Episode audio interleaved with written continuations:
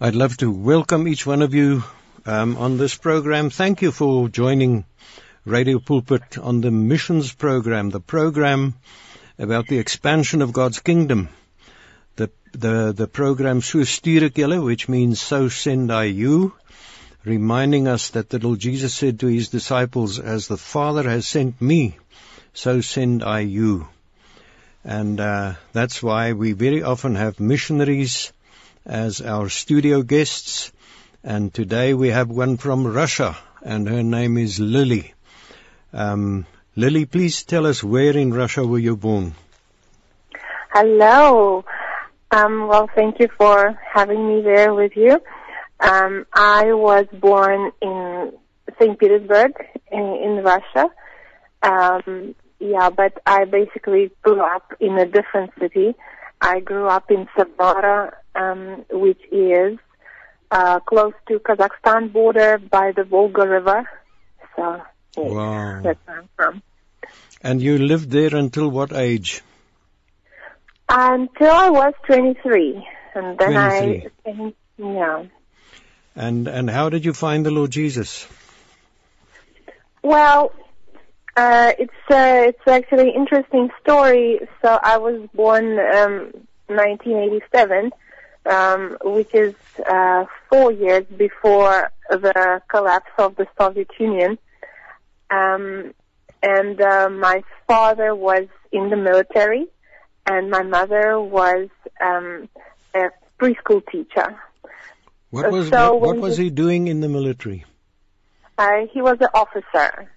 You know, um, I had a friend who, who took me to, I think it was to Kazakhstan, and oh, um, might have been Uzbekistan, but uh, he had he he was a he was a disciple maker from South Africa, and uh, wow. he introduced me to his uh, Uzbek father, and uh, his uh-huh. Uzbek father's name was Komalaka, and uh, okay. and when he told us that. Um, that he loved our brother and that he was um, helping him, then uh, I, I, I asked him, "What did you do uh, when you were in the Air Force?" And he said, "I was arming um, MiG jets." I said to him, "You know how how fearful we were of you in those days." And then wow. he laughed and he said, "But what you don't know is how fearful we were of you in those days." yes. So carry well, on with my, story. Yeah, but my father uh, never took part in military action. So he was more on the civilian side. That's good. Yes, luckily. And um uh, yeah, so when the Soviet Union collapsed, um it had uh, lots of consequences on various levels um of um daily life. One of them was that um the government sector, people working for the government wouldn't be paid for like six months. so my uh, yeah, so my family had to live on my mother's salary of a preschool teacher, which wasn't much. But um, luckily, uh, she studied English, uh, which was not common in Russia because people in Russia generally don't speak English. Um, so uh, she was looking for some, um, you know, extra income, and she found an uh, advertisement in a local newspaper inviting uh, an interpreter, and she was scared to her death because she she's a very shy person. She's not someone who speaks publicly. Uh, but um, yeah, the the family had to survive, so she decided to to give them a call and uh, it turns out that it was a pastor of a local uh, Protestant congregation looking for someone to interpret for American missionaries. Wow. So let me just mention that in the Soviet Union, anything spiritual was uh, discouraged, and um, by the time it collapsed, people were um, starved for spirituality. So uh, the churches boomed and missionaries started flooding to Russia. There were lots of American missionaries in the first wave. Um, and people were really hungry uh, for uh, to fill that hole. Um, in their hearts. Um, yes, so our local church got some missionaries from America, and my mom um, had to translate for for them. But uh, yeah, as I say, it did not come naturally, um, and um, unless it was for the extreme need, she would have never done that. But now, through translating for missionaries, um, she came to faith and Wow. she became a believer. And yes, that's how her journey started, and then uh, oh, the rest of us followed. So obviously, each of us have our own story, but that was, uh, let's say, the door. Wonderful. And, and what is your personal story? Wow, no, my story is a little bit funny. um, yeah, I grew up in church. Um, I went to Sunday school and all those things. But um, every every believer, every young person, should I say, uh, at some point faces a choice. Is, is this going to be my parents' face or is it going to be my face? And um, it was um, a big decision. And also, having grown up in church, I saw a lot of things that were not right, and um, not only good things, but also hypocrisy and um, how pastors are not always faithful to what they teach. That is not to say that pastors uh, something's wrong with them. They're wonderful people, but just I'm saying that I've seen the backside of it because my mom was a translator and missionaries would kind of um, address pastors in a special way. So I, I I saw a lot of that in front of my eyes.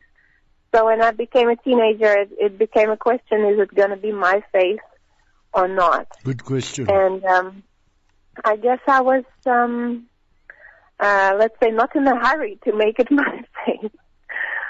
But um, yeah, I had a very um, big request. You know, I think I can say what it was because people just gonna laugh. so I, I, I had this big desire in my heart, and I just said to God, "Okay, if you make it happen, let's strike a deal. If you make it happen, I'm gonna come to church every Sunday." Yes. Uh, so I promised God that um, I would go to church every Sunday. um, and um, yeah, the the desire was actually quite silly. I was a teenager at that stage, and there was a, a band that I really liked, and I wanted to see them in person. and lo and behold, it happened. Um, and I'm not saying this is the right way to approach God. Uh, if somebody asked me now, I would not recommend to do that. But God knew me, and He knew that this was gonna work for me, and uh, He made this happen. So since then, I just started coming to church. I so believe it's a, I believe it's a good story. Thank you. but that is not to say that I um, had a relationship with God. So as I say, it's not that I had something against God. It's just I, I wanted something real. I didn't want the hypocrisy.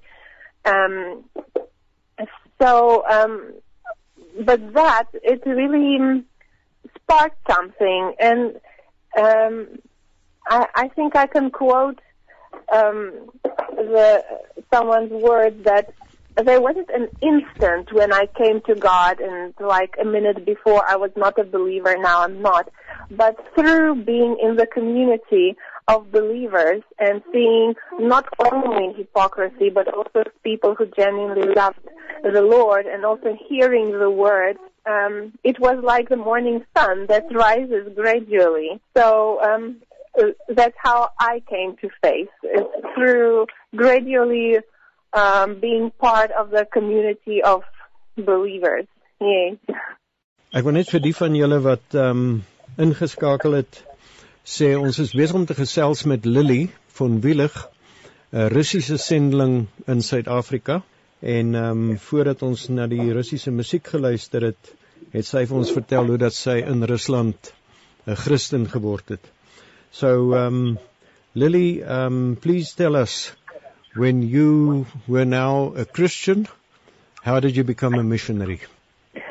Um, Well, um, as I mentioned before, I was growing up um, in the middle of the, uh, let's say, post-Soviet revival.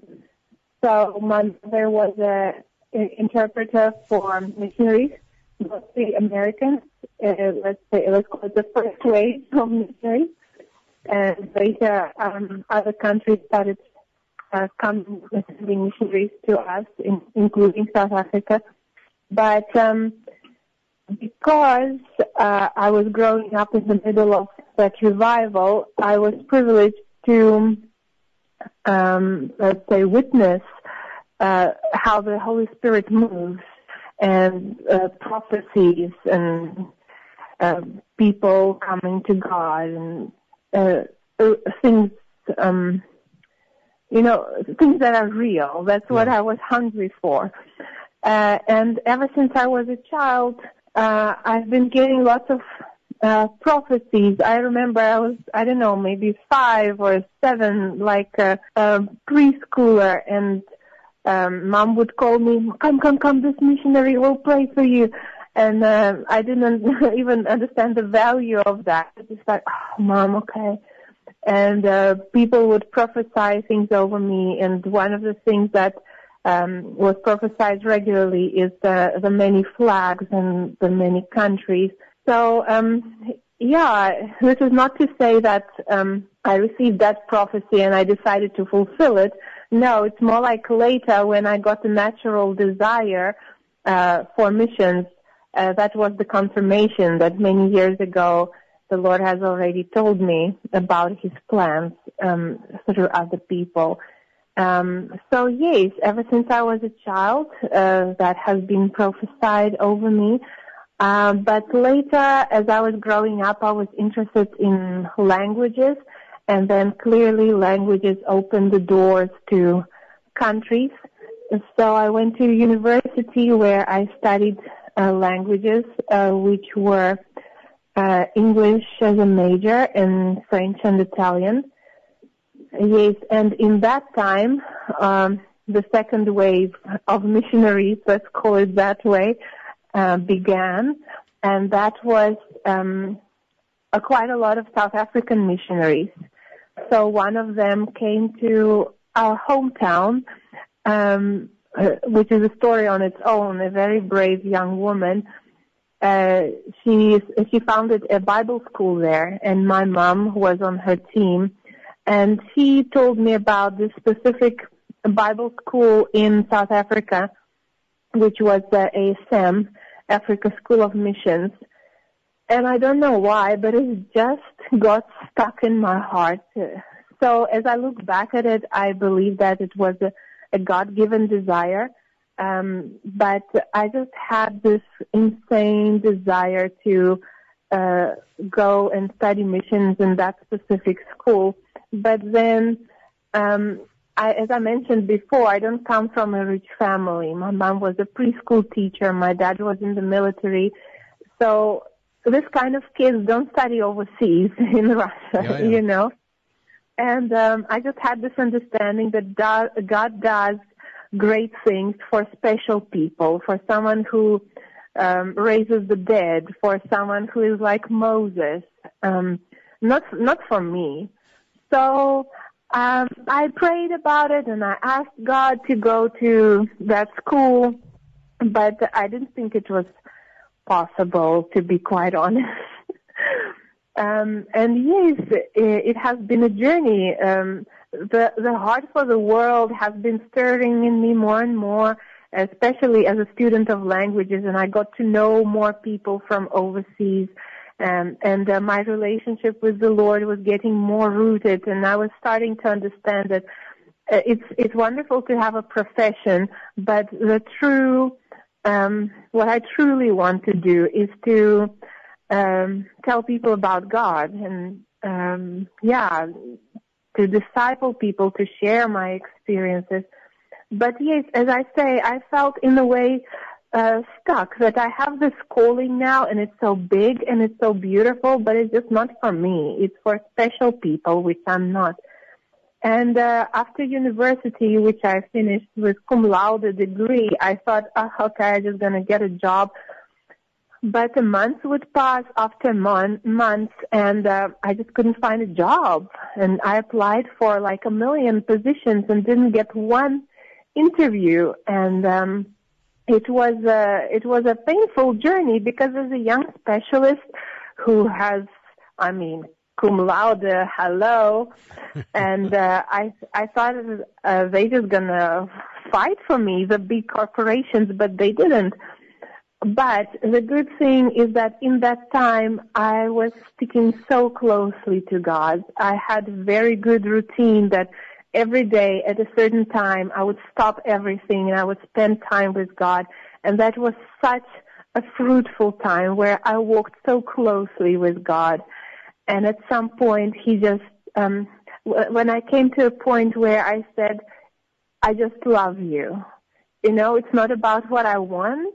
It's not about what I think is right for me. I just love you Lord. Just in this romance um and I was journaling in my prayer journal and I I can still find it I still have it when I just wrote one phrase for that day and it was Lord I love you Amen. and then when I was waiting to hear from him, what will he say? He just said, I'm giving you ASM.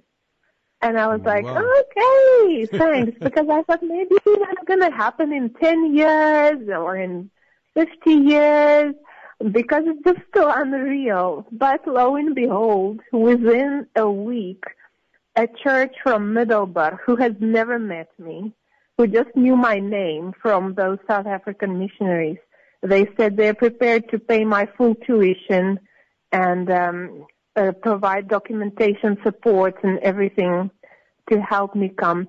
So that um, that just blew me off my feet. How Hallelujah. In the time where we don't see ourselves as special. I mean, I'm sure Moses didn't see himself as special. Uh, he just thought that he was, you know, um, all, all the bad things you can think of. And now God says, no, you're going to lead my people. So in the same way, I was just this kid from a poor Soviet family uh, who thought I was going to be a teacher and this is going to be my life. And now God comes through and he says, come away with me. It's going to be wild. Wonderful. so that's, um, I would say that was the first practical step. Did I, did I answer your question?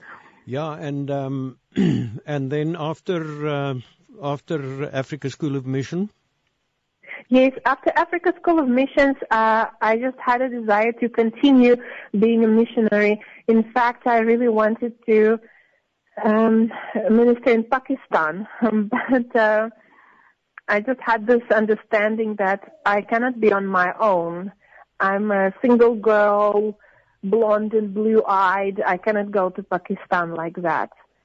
And um, uh, I decided to join a missions organization. which one? So I left ASM without the intention of ever coming back to South Africa, and uh, I joined YWAM, a Wow. youth with a mission Yeah. in Moscow.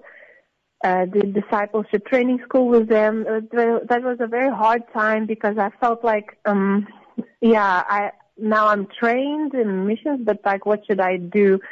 I didn't have a clear calling. And then uh, while doing that course, um, I just believe I heard the Lord's voice and he told me I should come back to South Africa. And I was in tears. And I, I remember I came to one of our mentors in that time in tears and he's like, what happened? And I say, no, I think God told me what to do after the DTS." And he's like, okay, and what's that? And I said, no, I think it's South Africa. And he was just quiet for a moment and then just said, and what are the tears about? Um, so I was crying because I felt like, but I wanted to go to, to Pakistan and I felt like God cannot, uh, God's will for you cannot be the good and wonderful things that you like. Uh, his will for you can only be um, hard and um, terrible things that break you. So this is where I believe God was also working on my image of Him in my mind. And um, uh, yes, um, after that conversation, I just realized that it is God's desire to um, also give us things that we like and that we love and that He wants us to enjoy our calling because then we are also more effective in our calling. And uh, that's how I became part of YWAM in Cape Town in Muizenberg. Uh, but yes, um, if you ask me what uh, what's the development of the story with Pakistan, I'm not sure. Yeah, I, it would still be my desire, but um, I haven't had the open door yet. Maybe it's coming, or maybe it was just a, a stepping stone for the Lord to guide me the places I needed to go. Um, but yes, uh, that's how I came back to South Africa and um, started serving in well, in YWAM. So you were serving in YWAM then, and uh, where did Murray come into it? Oh, okay. well, um, I was single, and uh, yeah, it, it, it's hard. It's hard for a single girl uh, to be in a foreign country, and um, uh, especially in the setup of um, of YWAM where people change all the time. So I've been really asking God for for a husband and in my culture where I come from, if you're if you don't have children by 25, um, then um, people kind of look down on you. On you, you become that that girl who didn't get married. So uh, that was another challenge. Um, um, but um, yeah, it's a story for another day. Uh, while being in YWAM Muizenberg, I've been uh, praying for that and other things, but uh, I also felt like I'm called for a more Afrikaner community uh, than Muizenberg. And uh, then I got an opportunity to go to YWAM base in Potchefstroom. And people told me that if you want Afrikaans, that's as Afrikaans as it gets. And I said, wrap it up, I'm taking. And uh, I moved to Potchefstroom to help uh, pioneer a young YWAM base, which is, by the way, still active and now going strong. Um, and I was um, staff of discipleship training schools there. Uh, yeah, it's uh, it's basically a six month, very practical course that um, helps people to um, build relationship with God, to uh, get their biblical foundations right, and uh, I was part of the staff who organizes the, the school. And um, Murray was one of the students, so yeah. I discipled him. yeah, and uh, things happened very quickly for us. We got married within a year uh, after the day we met, and um, I've been going strong for seven years already. Wow, hallelujah. And so now you're married to Murray and he's an engineer and how many kids do you have? Sorry, can you please say one more time? Murray, Murray is an engineer and yes. uh, this is Murray von Wiellich. And, yes. And, um, and how many, how many children do you have? Uh, we've got two children together, um, a boy and a girl, and, uh, they are trilingual, especially my older son. So they speak uh, Russian, English and Afrikaans. Wow. En praat jy 'n bietjie Afrikaans? Ja, ek doen. Uh, ek het mos uh, in Potchefstroom gebly. So as jy in Port bly dan moet jy. ek was eendag by die Africa School of Mission in Witrifuur. O ja. En toe kom daar twee meisies na my en hulle praat pragtige Afrikaans met my. En toe ek hulle vra, "Waar kom julle vandaan?" Toe sê hulle van Rusland. En toe ek, toe ek nou meer met hulle Afrikaans wil praat, toe toe ken hulle nie veel nie. Ja, en, sê ons Russe is is, is so maar ek dink ek dink jy was een van daai twee. Ongelooflik. En toe het ek agtergekom dat die dat die Russiese uitspraak baie versoenbaar is met die Afrikaanse uitspraak. If you Yes. if you uh, speak Russian and Afrikaans, um, those two pronunciations are very compatible with one another. Yes, yes. Uh, they're both rhythmical languages. So if one um, can speak Russian, it's, uh, it's e- uh, relatively easy to learn Afrikaans. Yes. Maar ek wil nou vir jou sê veels geluk met jou goeie Afrikaans. Lily, ehm um, dis nou tyd vir ons om die luisteraars te groet. So ons wil graag hoor hoe klink dit in Russies. Да благословит вас Господь. Пока. En mag die Here julle seën. Tot ziens. Baie baie dankie en mag die Here vir jou Baie en dankie. jou man Murray en jou kinders baie baie ryklik seën. En vir julle luisteraars sê ons baie baie dankie dat julle deel was van hierdie opwindende gesprek en mag dit vir julle 'n baie goeie week wees. Totsiens.